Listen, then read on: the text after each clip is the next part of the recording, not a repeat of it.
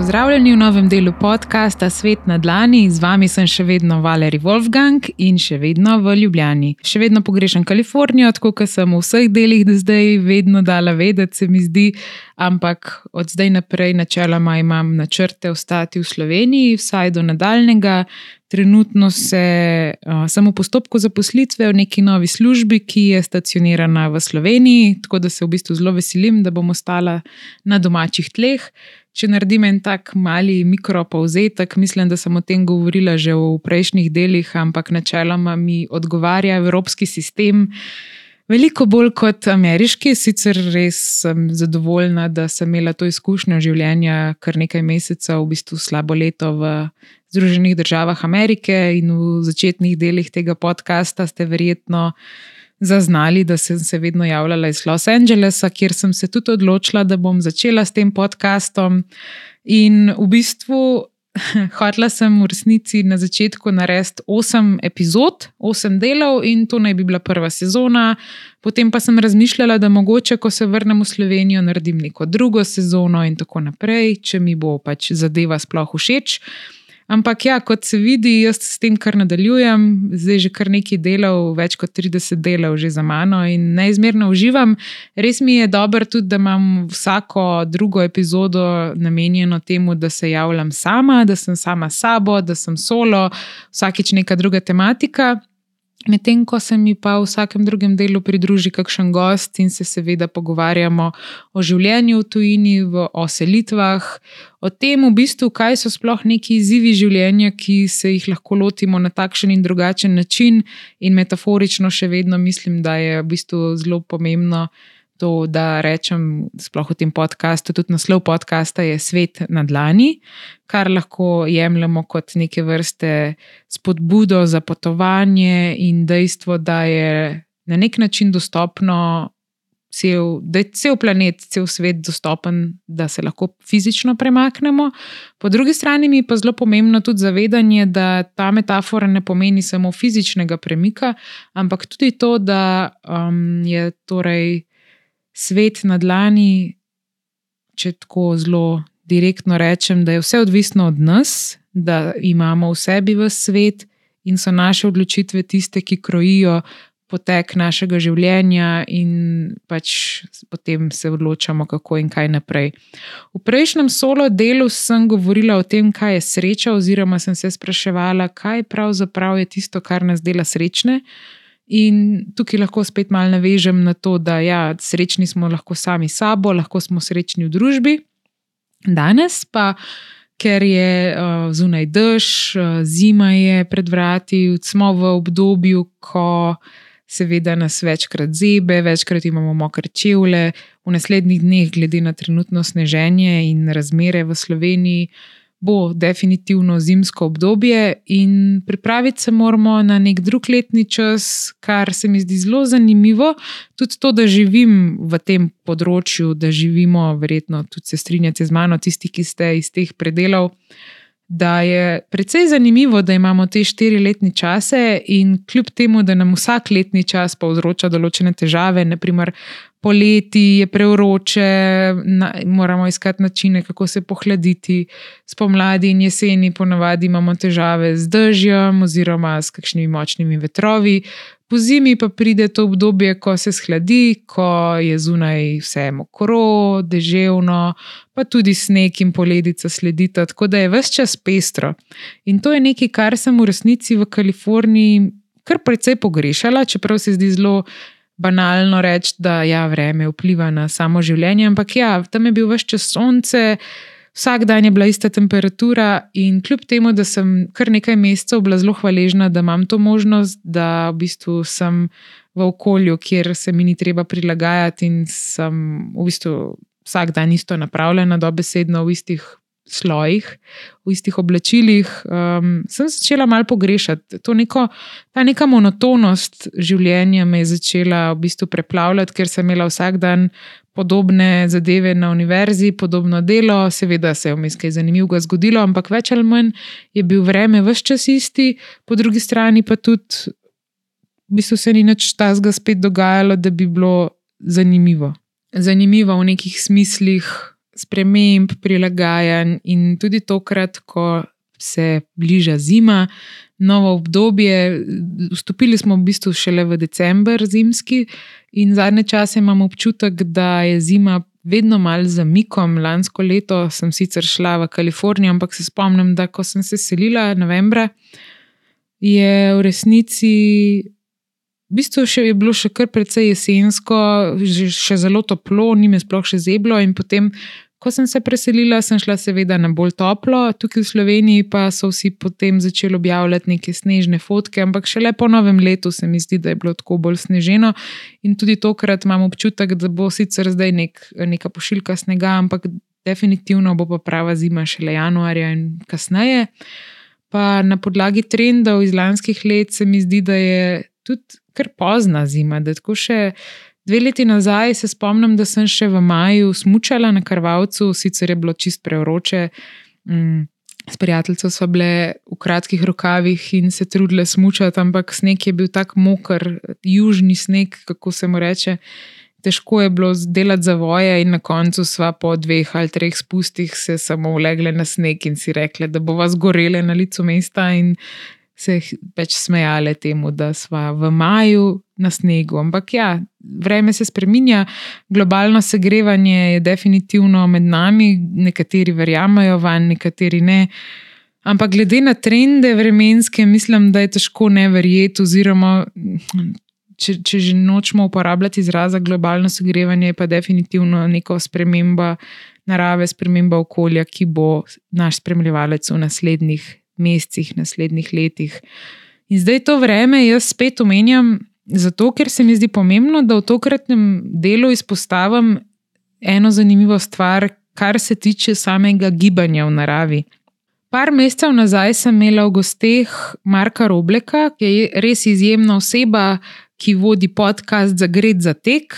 Tudi um, knjiga, mislim, njegova, da ima podoben naslov za Gred za tek, v kateri piše predvsem o tem, kako je on kar nekaj let prakticiral bosonogi tek in potem opisuje marsikater dogodek in metafora, ne metafora, kam je jasno, anekdoto um, iz teh raznih tekov, bosonogega teka. In v mojem podkastu smo se pogovarjali takrat, par mesecev nazaj, predvsem o tem, kakšne neke nasvete ima on za izvajanje te aktivnosti v poletnem času, kako se torej primerno hladiti, kako v bistvu se sploh um, hidrirati, kaj jesti, te zadeve smo se malo pogovarjali.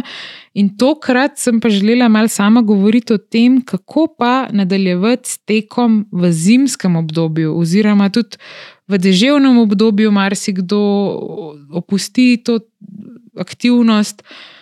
Že sama hoja v naravi je trenutno zelo nemamljiva, razen kadar je kakšen lep sončen dan. Če pa je deževno obdobje, če pada sneg in je vse mokro in drsi, pa se načeloma ljudje izogibajo aktivnostim na prostem, kar pa je lahko zelo problematično, ker se v tem zimskem obdobju, če se ne gibamo dovolj, seveda v prvi vrsti pridobimo nekaj kilogramov, kar ni problematično. Problematično pa je to, ker se lahko poslabša tudi naše zdravje. Mar si kdo, ki opusti zdaj neko fizično aktivnost.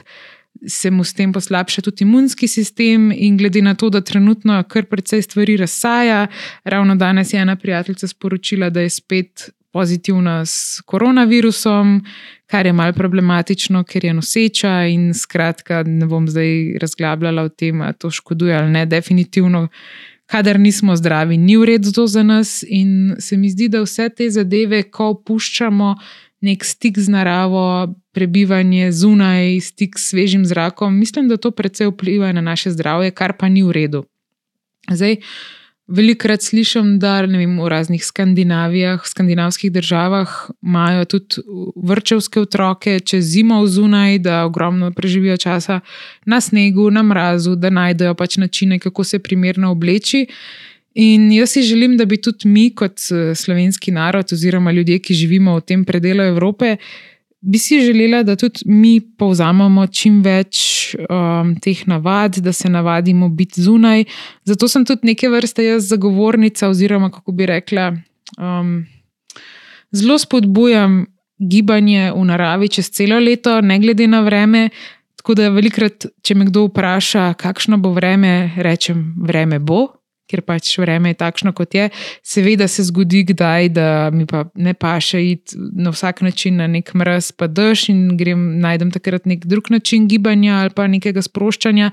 Ampak, če se le da, poskušam nadaljevati z mojo rutino, z aktivnostjo čez celo leto. Jaz pač rada tečem, zdaj danes bom govorila na ta način malo bolj o teku, ampak to lahko preslikate tudi na druge aktivnosti, že sam sprehod po službi, ali pa ne vem, če imate kakšne druge hobije v naravi, ali pa mislim tudi kakšne notranje vadbe, da ne bo pomote. Nekateri upustijo zato, ker se jim ne da v tem držju in neprijetnem vremenu do lokacije, kjer izvajajo potem te stvari. Tako da bi vas zelo spodbudila rada v tem delu, da nadaljujete celo leto z različnimi fizičnimi aktivnostmi pa tudi, da si vzamete veliko časa za se, za sproščanje, za preživljanje v trenutkih, ko, ki niso v bistvu namenjeni delu, nekemu razmišljanju, stresu. Jaz sem, reč, recimo, sem že omenila v prejšnjih delih, da sem pred kratkim se navdušila nad štrikanjem. Um, zdaj sem bila tudi ta teden na eni delavnici kvačkanja, sem tudi kvačkanje spoznala in Zdaj bi rada v naslednjih dneh malo bolj se posvetila temu, da spet berem več knjige, da preživim čas s knjigo v roki. Moram pa najti, zdaj hočem, jaz vedno poskušam malo optimizirati svoj čas.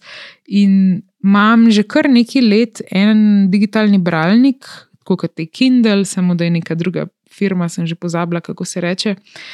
In razmišljam, da bi si naložila gor elektronske knjige, potem pa bi neko stojalo si umislila in imela pač to na stojalo, medtem pa lahko še štrikam ali pa kvačkam, ker si pač res želim nek to povovnen šal in bi ga rada sama naredila. Tako da mogoče bo v naslednjih dneh primenta optimizacija štrikanja in branja, ker rada berem, rada štrikam, rada bi bila malo več stran od računalnika, ker sem sicer zelo rada za računalnikom tudi in raziskujem kakšne zadeve, ampak imam preveč, se mi zdi, gledam v ekran zadnje čase, že zaradi službe.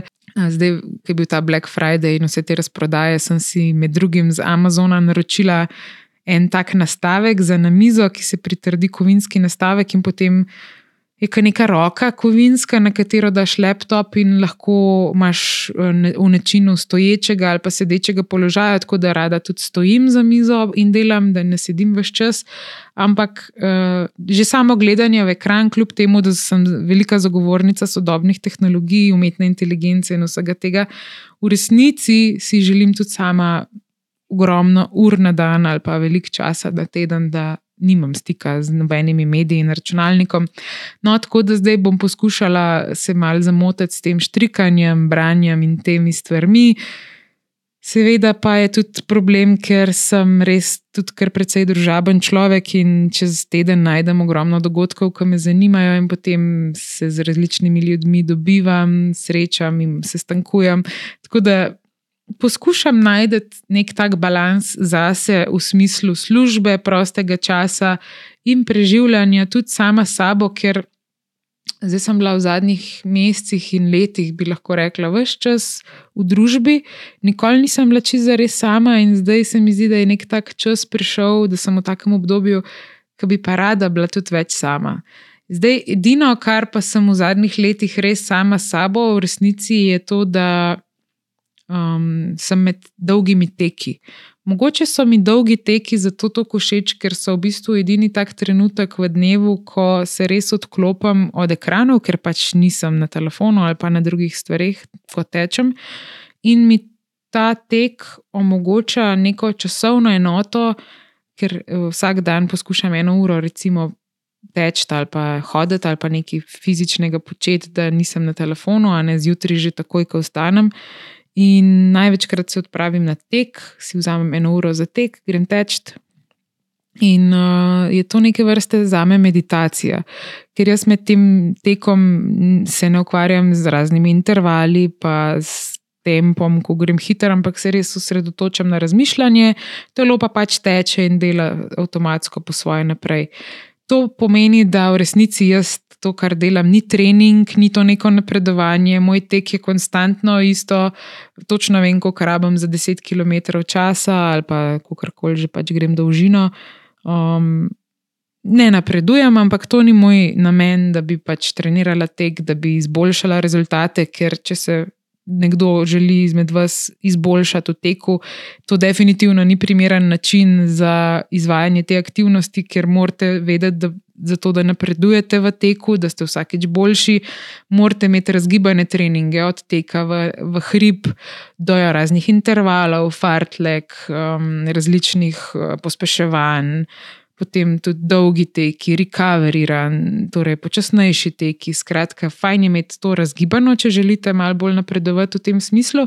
Ampak jaz, meni je pa v bistvu tek, kot neke vrste meditacija, hobi, s katerim se pač aktiviram, ponavadi zjutraj in zato. Je v mojem primeru ta zadeva, jo pač obravnavam kot neke vrste kvačkanje. Omenila sem že, da marsikdo, in tudi se to je nekaj splošno znano, da ko pride zimsko obdobje, načeloma dosti ljudi opusti neke športne aktivnosti, ki smo si jih zastavili čez poletje, pa tudi čez jesen je marsikdo dobil motivacijo, da bi se lotil nekih novih treningov, novih aktivnosti. Upazila sem tudi nek trend, da recimo septembra in oktobra, ko se začne novo študijsko leto, marsikdo se začne ukvarjati z nekimi novimi treningi in aktivnostmi, predvsem zato, ker je malo povezano dejansko s tem, da se študenti spet aktivirajo in potem ogromno nekih fitness studijev ali pa nekih skupin športnih ima določene popuste. Uh, začne po poletju promovirati določene tečaje in take stvari, in se vsi res strastno, ponavadi, upisujejo v razne fitnese, in podpišejo pogodbe in začnejo trenirati, kar je odlično, to neč ne pravim, da je karkoli napačno. Super, odlično, vedno je čas za začetek, ampak problem nastane, ker takoj po septembru in oktobru pride tisti hladen november, deževen november in potem sledi december, ki je še bolj mrzel in marsikdo potem tragično konča in reče: Ah, dovolj imam, bom jaz na kavču pod deko do nadaljnega, kar seveda ni nič narobe. Tudi jaz se izredno rada zavijem v deko, tako res neizmerno uživam, ker sem na kavču. Imam en tak res velik kavč, ki je po mojem primeren za ene deset ljudi, da se uležejo naenkrat. In mi je to kot nek centralen moment v stanovanju, kjer uh, sem najraje v resnici. Ampak tudi rada se gibam, rada preživljam čas zunaj, zdaj se v bistvu veselim vseh zimskih aktivnosti. Zato je tudi super, ko sem že na začetku omenila, da poskrbimo za zdrav imunski sistem in da nadaljujemo tudi čez zimo s temi aktivnostmi. Mogoče čistko tehnično, kdo bi rad nadaljeval s tekom po zimi, gremo čez kaj, kako se primerno obleči, zato da sploh tečemo jeseni in po zimi. Pa bom iz svojih izkušenj delila, mogoče ima kdo drugačno prakso, ampak načeloma se mi zdi, da so te izkušnje, če jih primerjam z nekimi priporočili, ki sem jih zaznala v kakšnih literaturah, v resnici se dosta ujema s tem, nimam zdaj jaz nekih posebnih. Um, drugih zahtev. Lahko bi samo rekla, da načeloma sem jaz precej zmrzljiv človek, um, zdaj čez zimo sem vse čas v nekih pulih in v njenih poloverjih in ponavadi nosim pod hlačami še smočarsko perilo in ne vem kaj vse in puhovke. Ampak kar se teka tiče, čistko bom zdaj razdelila po sektorjih. Temperatura do 10 stopinj Celzija, torej. Če je minimalno 10 stopinj ali več, tudi v resnici tudi do 30 stopinj gremo lahko gor, se pravi do 10 stopinj Celzija. Sem običajno napravljena v kratko tekaško majico, spodaj imam pač spoden peril in kratke hlače. Jaz, ker imam po svoji izgubi teže, kar sem, kdo še mogoče ni zaznal v tem mojem podkastu, jaz sem imela pred leti vem, pet let nazaj sem imela še dvakrat več kilogramov, sem imela, uh, se pravi, zdaj imam vem, 65, imela sem jih 125 ali nekaj tasga. Zgubila sem polovico svoje telesne teže in takrat uh, v tistem obdobju, to je dolga zgodba, zakaj je sploh prišlo do te moje odločitve. Zakaj sem se odločila spremeniti življenjski slog, način življenja, gibanja, v bistvu s tekom, največ, ker sem to začela teči sem tudi malo bolj pozorno začela razmišljati o tem, kaj dajem vase v smislu prehrane. Začela sem se izobraževati, kaj so beljakovine, maščobe, ogljikovi hidrati. In potem na podlagi vseh teh znanj sem zdaj nekako ugotovila, koliko moje telo res rabi hrane in koliko gibanja rabim, da vse to pač pokurim. No, in zato, ker takrat sem zgubila toliko kilogramov, sem šla jaz na um, zdravnica, mi je pač to svetovala, ker nisem vedela več, kaj naj naredim, ker sem to teže zgubila. Se mi v roku enega leta potem ta koža. Ki je ostala, ne od prevelikih kilogramov, mi nikakor ni zginila strebuha in nog in rok, in posod sem imela preveč te kože. No, in zdravnica je rekla, ker sem si to redno tudi s kremami mazala in skrbela za svoje telo, ampak nikakor se ni skrčila koža, ker je bila preveč raztegnjena, ker sem imela pač prej toliko več kilogramov. No, in uh, k sreči sem dobila na napotnico možnost odstranitve te odvečne kože, strebuha.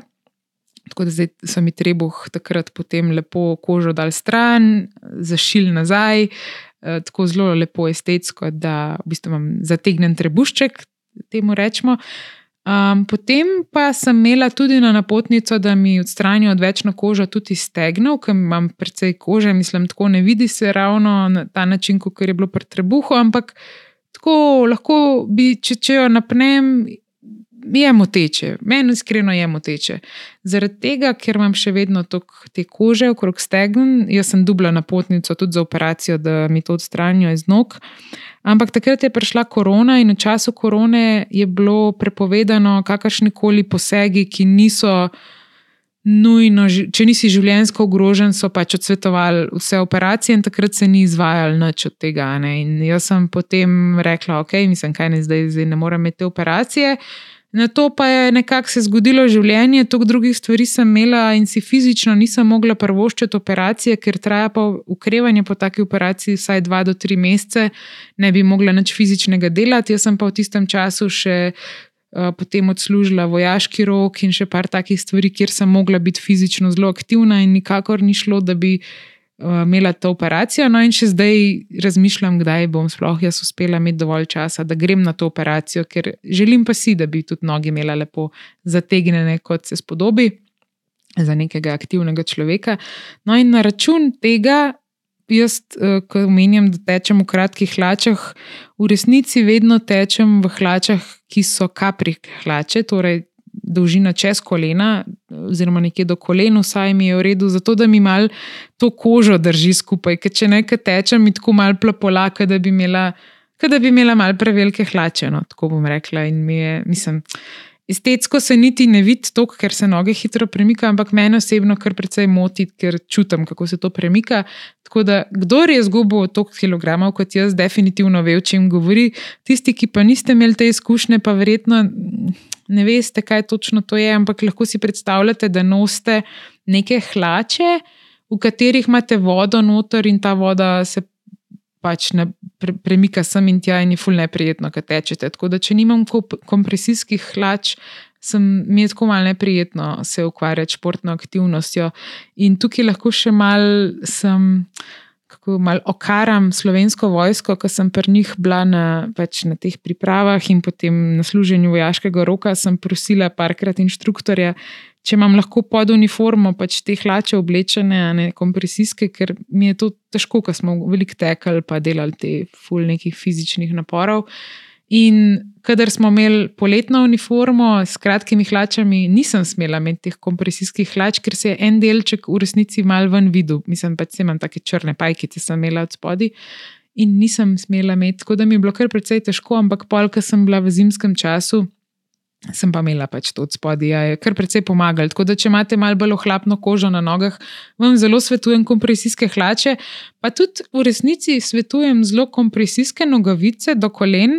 Um, jaz nimam nič ohlapne kože, zdaj do kolen, pa na spodnjem delu nog, ampak sem opazila, sploh kadar tečem kakšne daljše dolžine, recimo maraton, ki sem šla parkrat, um, sem imela fulman utrujene noge po maratonu, ko, če sem nosila kompresijske nogavice.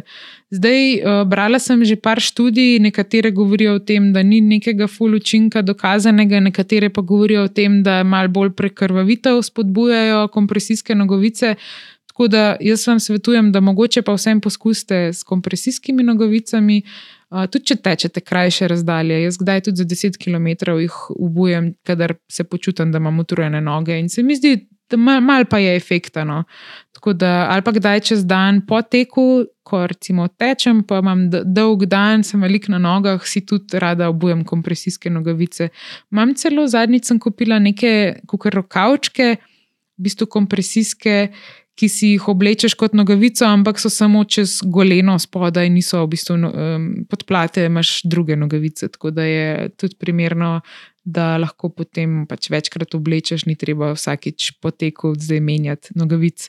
Tako da, torej, če se vrnem nazaj k tehničnim opisom oblačil, do 10 stopinj, kratka majica, kratke hlače, superge in to je to, če je zdaj zelo močno sonce, jaz rada tečem s kapo šiltom, zato da mi sonce ne sveti v oči.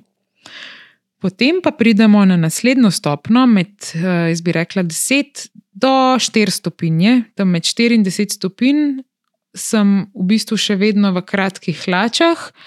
Uh, edino razliko, kar naredim med 10 in 4 stopinj, je pa, da si dam zgoraj majico z dolgimi rokavi.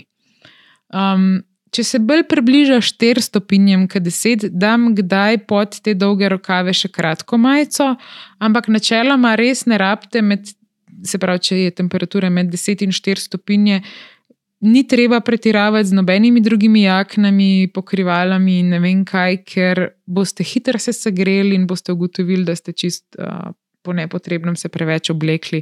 Mar si kdo naredi to napako? Jaz sem tudi včasih, še na začetku, ko nisem vedela, kaj moje telo zmore in kako hitro se segreje, sem vedno tam, če je bilo pod 10 stopinj, sem že, ne vem, jakne, kape, rokavice gor nas je dajala, ampak sploh zjutraj, ki je še tam noče, preden je vzhod, imaš občutek, da je ful bolj hladno, čeprav v resnici je ne vem, 5 stopinj. Tako da med 10 in 4 stopinje bi svetovala, da imate kratke hlače oziroma kapri, pa dolgo majico, mogoče spodaj še eno kratko majico. Potem pa pridemo na temperaturo med 4 in recimo že malo pod lediščem minus 1. Uh, med 4 in minus 1 bi pa, pa tako pa oblečem dolge hlače, ki so pajkice.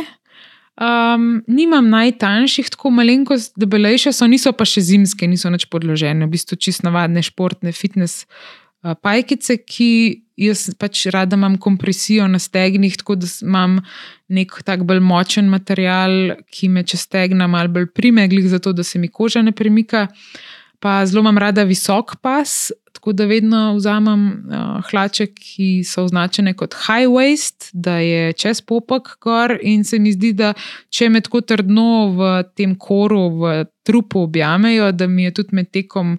Tako se mi zdi, da malo bolj sem stabilna in boljši občutek mi je. No. Čeprav nimam, imam res zategnen trebuh, pa pač zadnje čase veliko treniram, imam tako, kako bi rekla, trd trebušček.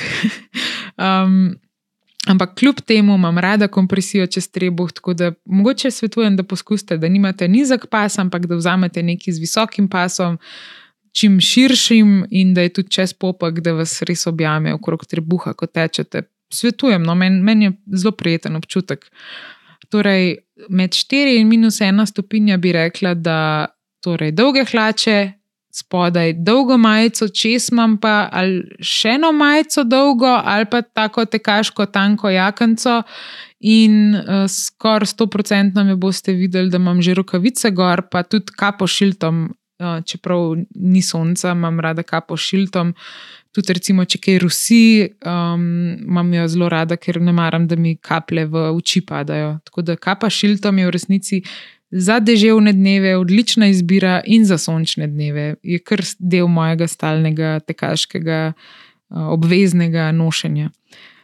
Potem pa pridemo v bolj mrzlo sekcijo, med minus ena in minus šest, pa ponavadi oblečem pajkice, ki so označene kot zimske pajkice, v bistvu so bolj debelo tkane in malenkost podložene s takim materialom, ki daje občutek, kot je mal filc um, oziroma flis.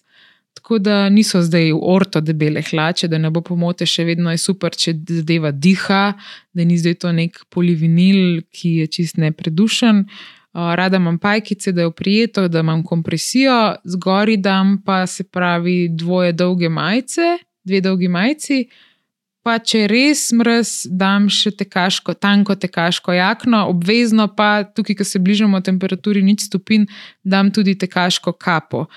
Um, to je v bistvu tako zelo prijeta kapa.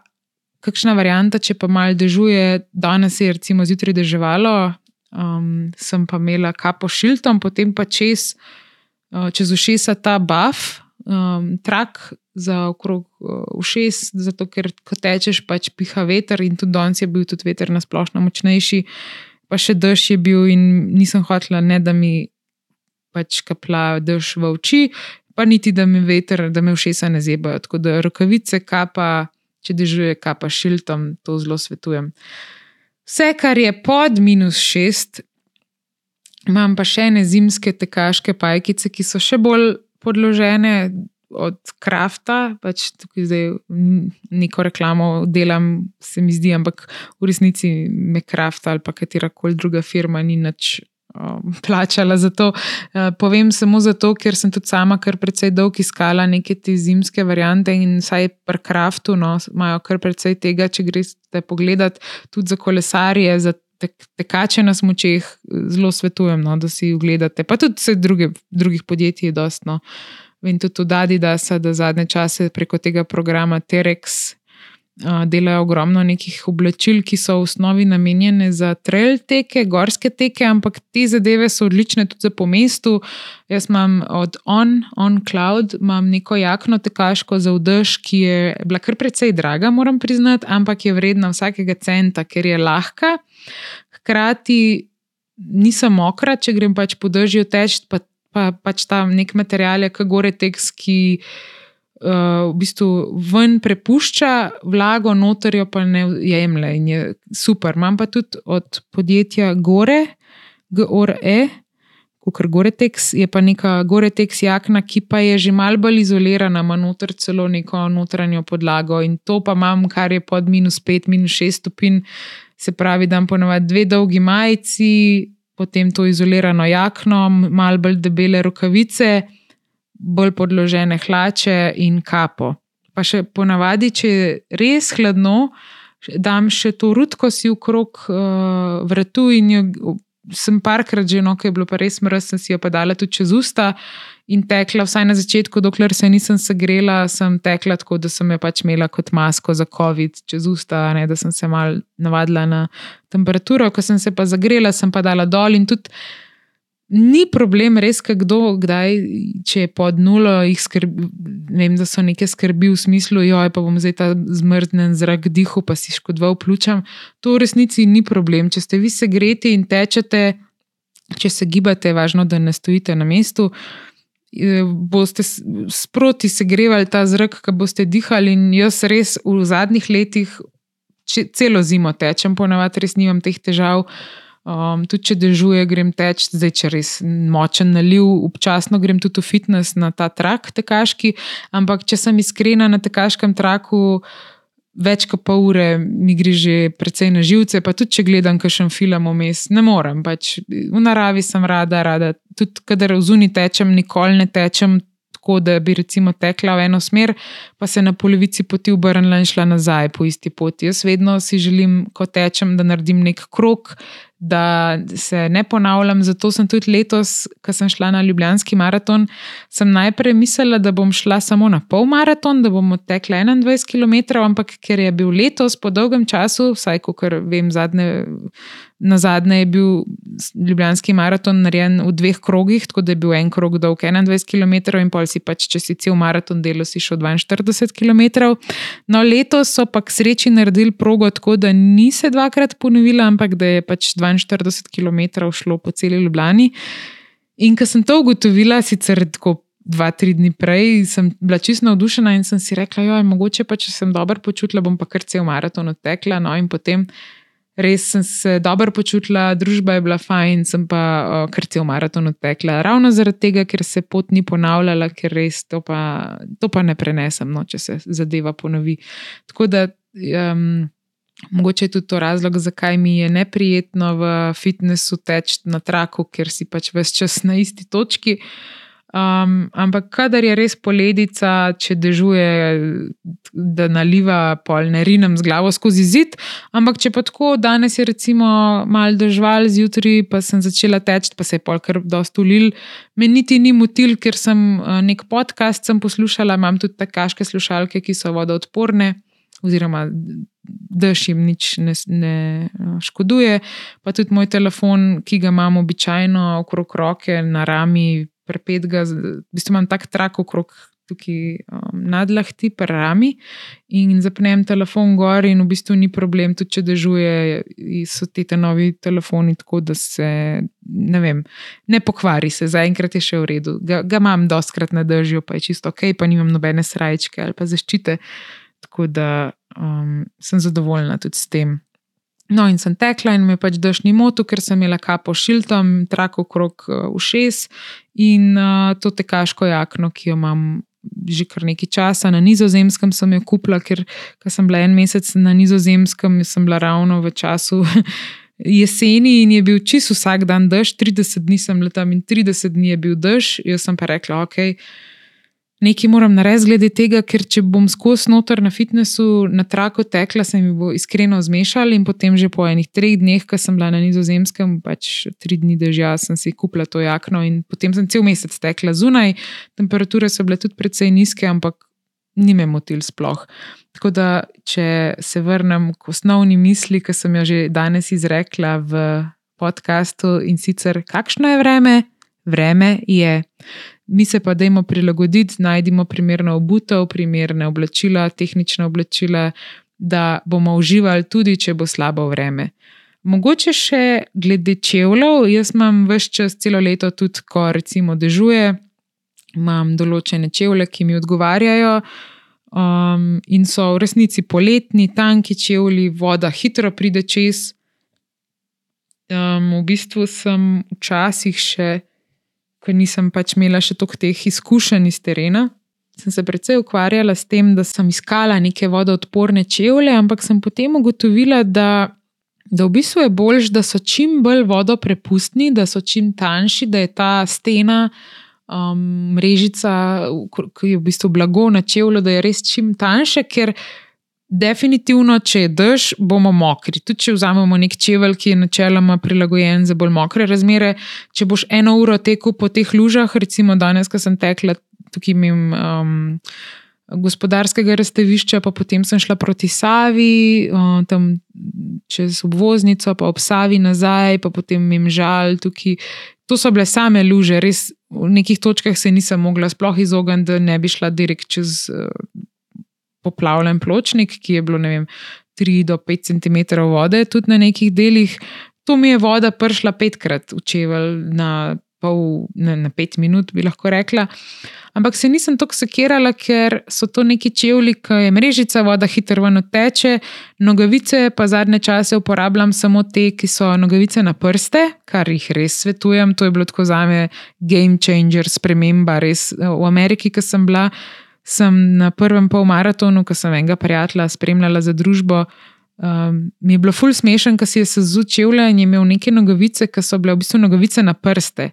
Tako kot če si predstavljate rokavice, ki jih imamo na rokah in so na prste, ne, niso vsi prsti v eni srajčki, ampak ima vsak svoj prekat. No, tudi nogavice take obstajajo, tisti, ki še ne veste, mene je to res presenetilo.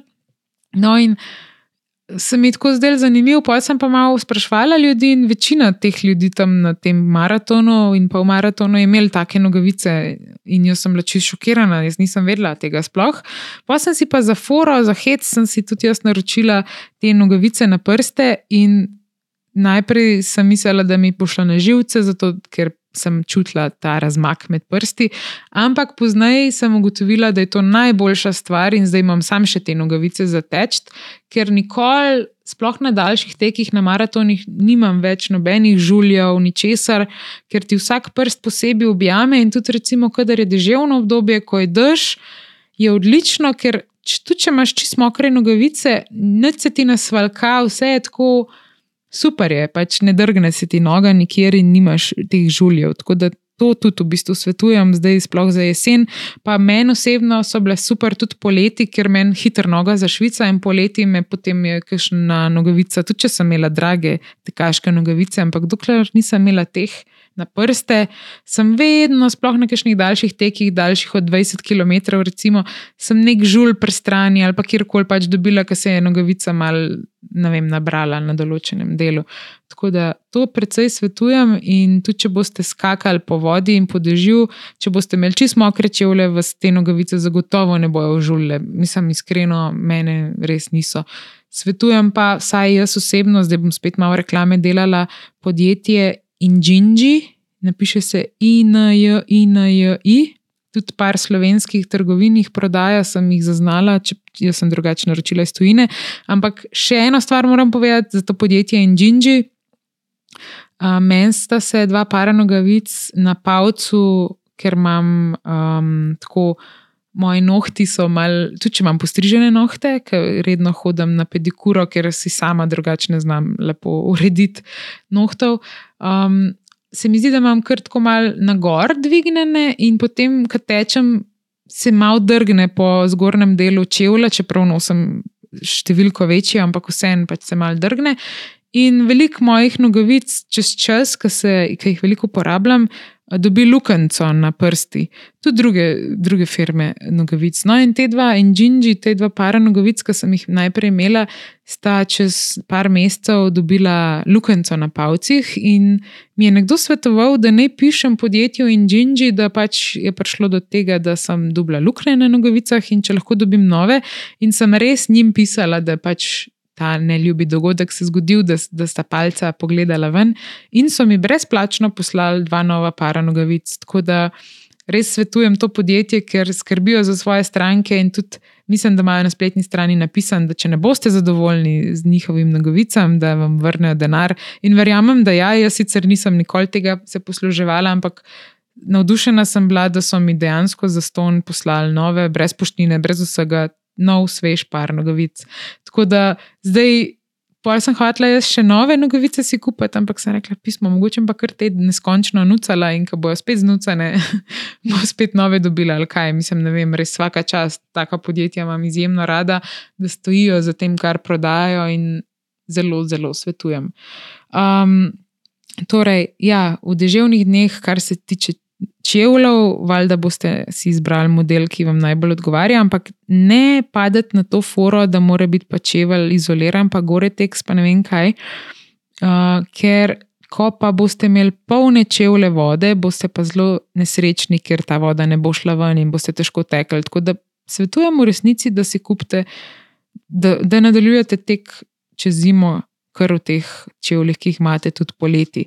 Razen, kadar pride do sneženja, ko je sneg in led. Zdaj v lednih razmerah jaz imam neke dereze za tek, um, ampak jih nikoli v bistvu še nisem uporabljala. Sem ugotovila, da če je res ledeno, rajš ne grem teč, pa grem takrat kaj drugega početi. Ampak sem šla pa velikrat teč, ko je zapadel sneg zjutraj in je bilo ne vem, kakšne 2 cm snega. Takrat sem pa ne da bi dala dereze gor, ker ni bilo poledenelo, samo sneg je bil, sem pa rajš šla teč v trail čevljih, torej te čevlje, ki pa uporabljam za tek v naravi, ki imajo malo bolj narebren podplat. Tako da v resnici vam pa svetujem, če pa je, če pa je sneg, pa dajte si na mesto poletnih čevljev trail čevlje, ki so tudi lahko pač poletni. Jaz imam pa tudi eno verzijo Gore-Tex, v tem primeru na snegu.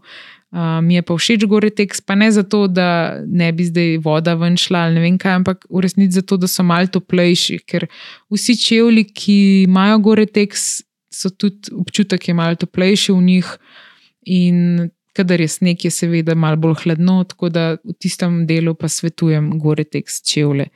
To so v bistvu moje osebne izkušnje, ki sem jih nabrala skozi prakso v zadnjih letih. Mogoče si boste našli drug sistem, druga oblačila, nekateri tečejo tudi po zimu, v kratkih hlačah, sem živela, ampak meni osebno podložene pajkice, kar prav pridajo.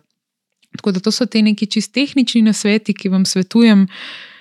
Ena še najbolj pomembna stvar, ki bi tudi rada zaključila ta del, to epizodo, je pa motivacija. O motivaciji sem jaz že govorila večkrat v podcastih, tudi z mojimi gosti sem se, se redno pogovarjala o tem, kaj jih motivira, kje najdejo inspiracijo, kje sploh najdejo neko energijo za vsakdanje življenje in v bistvu za preživljanje časa zunaj, aktivnosti, razne, pa tudi na poslovnem področju. In pri teh zadevah, kot je tek ali pa mogoče neke druge športne aktivnosti, v resnici motivacija sploh ni najbolj glavna stvar vsega, ampak je najbolj pomembno, da si ustvarimo to, kar stokrat ponavljam in tudi. Sej nisem edina, veliko ljudi govori o tej tematiki in sicer verjetno ste že slišali, da je pomembno, da si ustvarimo zdrave rutine. Ne motivacija, ampak rutine. In zdaj, kaj so to rutine? Jaz, ko sem bila še najstnica, pa otrok, sem vsakič, ko sem slišala besedo rutina, že samo to besedo, ki sem slišala, se mi je zdelo, da je to nekaj totalno nepotrebnega v življenju in nekaj najbolj dolgočasnega, in da karkoli samo, da ni rutina. Um, kasneje v življenju sem v bistvu spoznala, da sem zato v tistem obdobju sovražila to besedo, ker sem se bala monotonosti, ampak rutina ni enako monotonost. V bistvu moje življenje, če zdaj razmišljam, kljub temu, da imam kar veliko nekih vsakdanjih rutin, ki si jih želim pač vsak dan uporabiti. Um, Moje življenje zdaleč ni monotono, zato ker imam toliko nekih vsebinskih zadev, ki so mi zanimive, na dnevni bazi se mi spreminjajo določene vsebine, uh, radovedna sem, vse čas iščem neke nove izzive in to je ta neka notranja motivacija, bi lahko celo, celo rekla, ki me žene naprej, zato da, se, da je življenje razgibano, da je zabavno, da je zanimivo. Do te točke, ja, de, definitivno rabimo, seveda, neko osnovno motivacijo, da si sploh želimo živeti, želimo nekaj početi. To je super, to upam, da vsi imate. Ampak Če pa se vrnem nazaj na športno aktivnost, pa mogoče bojo športni psihologi te zadeve malo bolj razložili kot jaz, jaz nisem strokovnjak, govorim samo iz svojih izkušenj. Pa moramo narediti nek, v bistvu sami pred sabo si moramo dopovedati, da rabimo rutino. In se je potem tudi držati, ker to je neka obljuba, ki jo damo samemu sebi, da bomo neko stvar dosledno počeli. Pa ne smemo si zastaviti neke nemogoče cilje v smislu, da bom pa vsak dan šel na Triglav, pa ne vem, petkrat na teden na Rašico, pa na Šmarno goro po službi vsak dan. Ne. Mi si moramo dati jasne cilje, da pač telo rabi gibanje vsak dan, to se strinjam, definitivno. Ampak to gibanje je lahko tudi nek sprehod, lahko je. V službi, da smo bolj na nogah, da hodimo sem pa tja večkrat, da gremo po stopnicah peš. Pa tudi, da naredimo doma, mogoče kakšno vajo za gibljivost, um, kot neke vrste fizioterapijo, lahko malo gledamo na YouTubu, kakšno jogo ali pa neke vaje na splošno za hrbet, za gibljivost, za stretching, ko se reče raztezanje. To je vse na YouTubu, vse je brezplačno. In vzame nam lahko 15 minut zvečer pred televizorjem, če pač gledamo televizijo si damo na tepih ali pa na nek, neko blazino na tla in naredimo te vaje. Pač. Eh, na začetku je težko, ker stvari še ne znamo izvajati in je to nekaj novega, ampak menda je dokazano, če vsaj šest tednov delamo neko stvar, pač vsak dan v tem primeru, se potem ta nova rutina vzpostavi in v bistvu um, lahko nadaljujemo. Torej, šest tednov se sliši malo, ampak v resnici je to več kot en mesec. Tako da, če boste en mesec vsak dan šli na sprehod, saj ali pa nekaj tasga, verjamem, da se vas bo prijela ta navada in bo ta navada postala neka zdrava rutina. Tako da naj vas te rutine lovijo cel decembr, cel januar, celo leto. Um, in da boste ugotovili, da ni vsakeč treba imeti neko posebno motivacijo in zdaj biti pa totalno navdušeni in pripravljeni za neko športno aktivnost, ampak da je pač to kot umivanje zob. Tudi umivanje zob ni nekaj, kar se zjutraj zbudiš, pa rečeš oh, danes si pa res želim umiti te zobe, kako dobro, wow, le to zobno ščetko, kako je lepa, prav obdrgnila si bom te zobe. Ne, pač o tem ne razmišljate, ostanete, verjetno si vem, naredite kavo, karkoli in potem si pač umijete zobe. Zdaj, to imate tako ugrajen v ta svoj sistem, da upam, no, da si res vsak dan umijate zjutraj in zvečer vsaj zobe. Um, in naj tudi gibanje postane to. Naj to bo vsako, kakršno koli gibanje, pa je lahko trening, ne vem, tek vandoja, sabljanja, jahanja, tek, hoja, sprehod, ne vem, počepi, fitness, karkoli.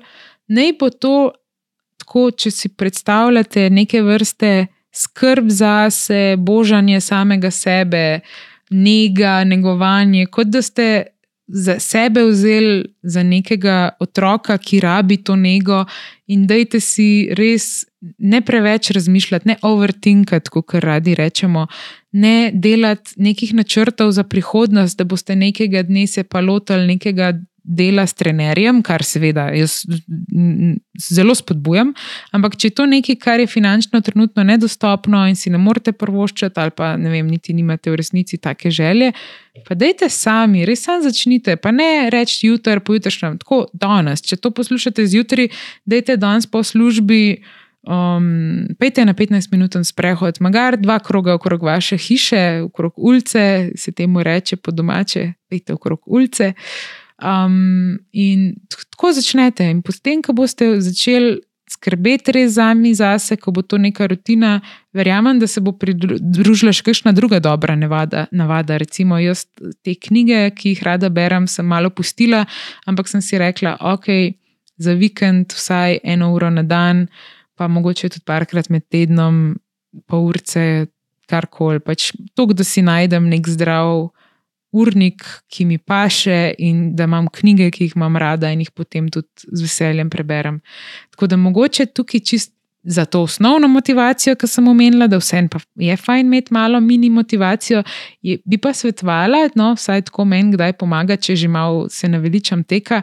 Da si pa enkrat, ne vem, na vsake tok prvoščem kakšno stvar, recimo nove tekaške superge ali pa nove pajkice, ali pa mogoče, ne vem, kakšno novo, nov podcast začnem poslušati. Tako da, dajte, si, dajte se malo pocrklati, zdaj je veseli decembr, mogoče si pa letos za praznike, ne mesto, da vsem drugim kupujete darila.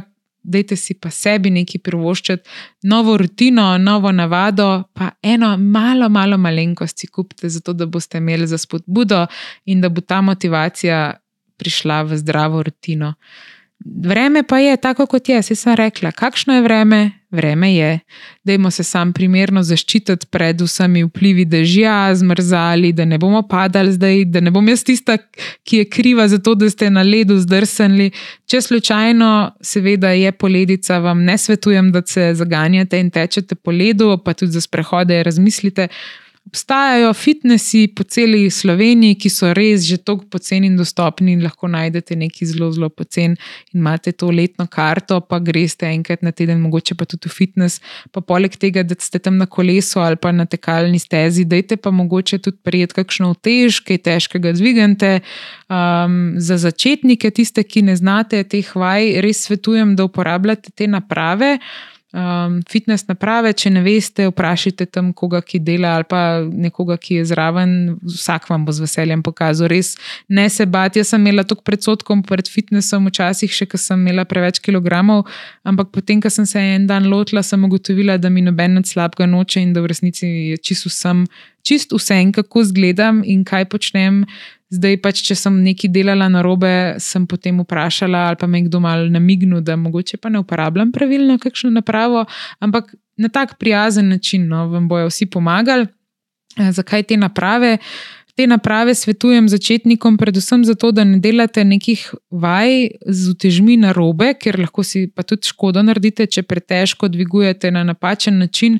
Tako da, če se boste lotili sami vadbe, brez nekega trenerja, vam svetujem, da v fitnesih uporabljate predvsem te eh, že neke naprave, ki so v fitnesih, zaradi tega, ker te naprave so tako narejene, da vi lahko delate samo določen gib pod določenim posebnim mehanizmom, ki je načeloma narejen tako, da ne glede na to, ali imate izkušnje ali ne, vas bo pravilno vodo in boste neko otežali, karkoli že boste tako dvignili ali pa porinili ali potisnili k sebi, karkoli že je, odvisno od naprave, za katero mišično skupino gre, si ne boste nobene škode naredili. Tako da zelo svetujem, da če, se, če, se, če vstopate v fitness svet, oziroma da si želite nekaj narediti zase, da je to uporabljati naprave, kasneje pa mogoče tudi uh, se posvetujete s kakšnim trenerjem, da vam da in primerno pokaže ostale zadeve.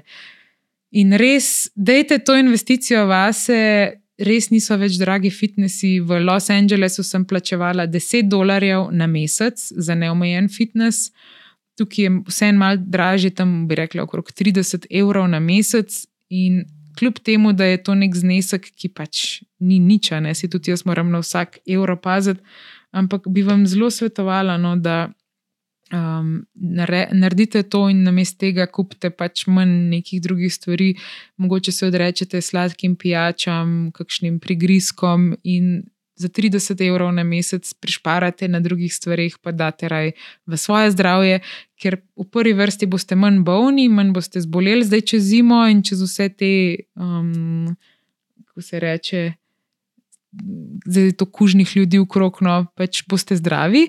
To je prva stvar, druga stvar pa tudi mentalno boste postali močnejši, odločnejši in ugotovili boste, da v življenju ne rabite motivacije, ampak samo zdravo rutino in vse bo lažje na poslovnem področju, na osebnem področju um in telo sta v resnici veliko bolj povezana, kot si mislimo. In jaz verjamem tudi na podlagi svoje izkušnje, svoje življenjske zgodbe, da čisto vsak na tem svetu lahko to doživi, samo čas rabimo, ker je pa tako. Veliko teh fitness programov obljublja neke rezultate čez noč ali pa v dveh mesecih, treh mesecih, pač ne, to traja leta. Ampak ravno zato, ker traja leta, morate že dan začeti, ne jutr. Tako da naj bo zima in ta decembr, ki se je začel, predvsem čas ustvarjanja novih zdravih rutin. In z veseljem vam svetujem, da se spopadete z držjem tudi v naravi, da niste več čas noter. Tako da uživajte in se slišimo naslednjič.